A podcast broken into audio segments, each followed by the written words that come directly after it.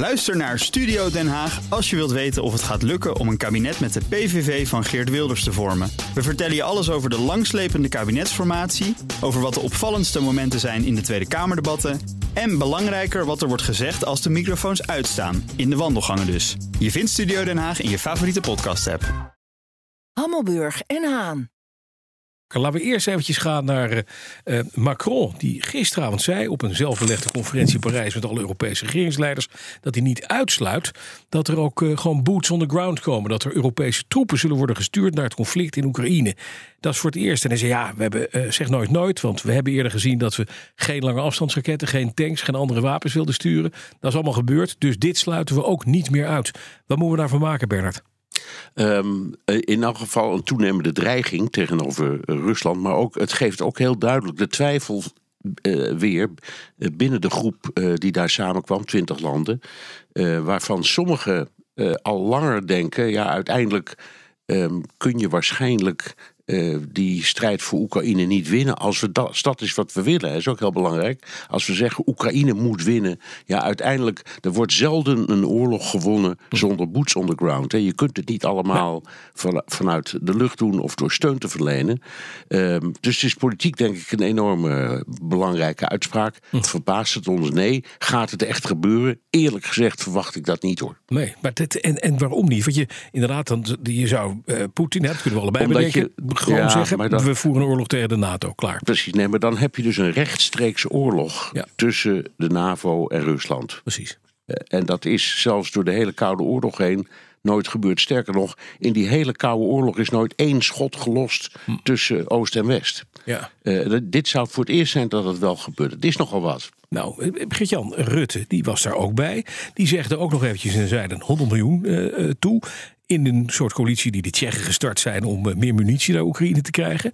Wat, we- wat weten we van de, van, de, van de opstelling van Rutte als het gaat om dat verhaal? Nog verder gaan, grondtroepen sturen.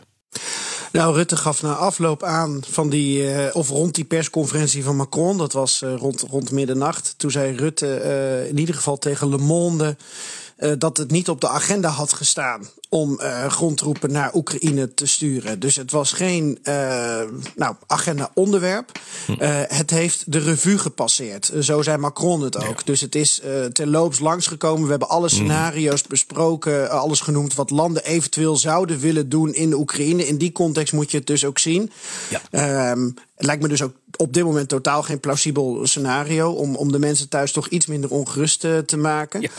Ik heb ook nog even gekeken naar dat bilaterale eh, ja, veiligheidsverdrag dat allerlei landen nu met Oekraïne sluiten. En Nederland eh, binnenkort ook. En daarin staat dat Nederland en Oekraïne op allerlei punten met elkaar samenwerken. Maar dat er geen Nederlandse troepen naar Oekraïne gaan om te helpen in de strijd tegen Rusland. Dus daar zou dat ook nog eens expliciet inkomen. Maar het is een, geen juridisch bindend akkoord eh, dat binnenkort ook wordt ondertekend. Eh, dus meer een soort eh, politieke verbontenis. Dus dat, dat hoeft natuurlijk ook weer niet 100% uit te komen. Oké, dan naar het andere conflict. Bernard, eh, Biden die zei gisteren na- dat er na het weekend maandag al een staakt het vuren eh, in Gaza kan zijn. Omdat er een deal wordt gesloten tussen Israël en Hamas. Ja, ja het, is, het eerste waar ik aan dacht is de ruzie die eh, vorige week, anderhalve week geleden, plaatsvond in de Veiligheidsraad van de VN.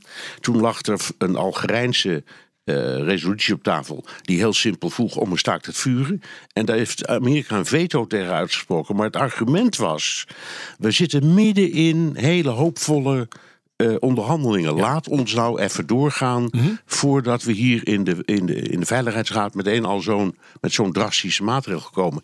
En plotseling, ik dacht toen ik het allemaal hoorde vannacht en nu ook, ze hadden nog gelijk ook. Ze Ja. waren echt heel hard bezig. Ze hebben enorm succes gehad tot nu toe. Ze zijn er in, in staat om Israël, ja, niet officieel rechtstreeks, maar toch wel met Hamas te laten praten. Dat is al, allemaal een enorme doorbraak. Ja. En wat eruit komt is inderdaad hoopvol.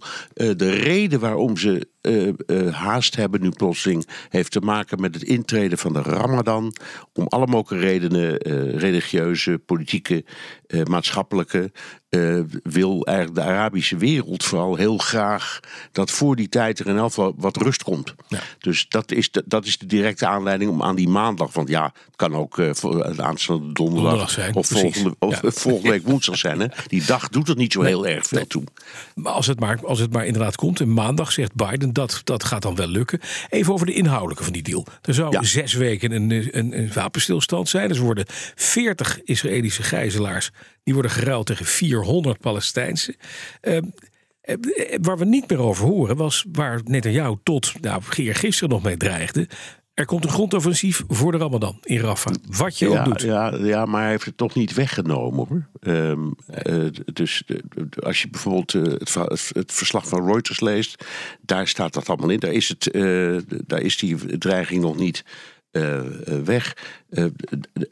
Ik denk dat hij er vanaf ziet, maar het is nog niet helemaal zeker. En de reden is, de, de veronderstelling is dat daar nog heel veel eh, leiders van Hamas zitten. En dat ze dat dus absoluut onder controle moeten hebben.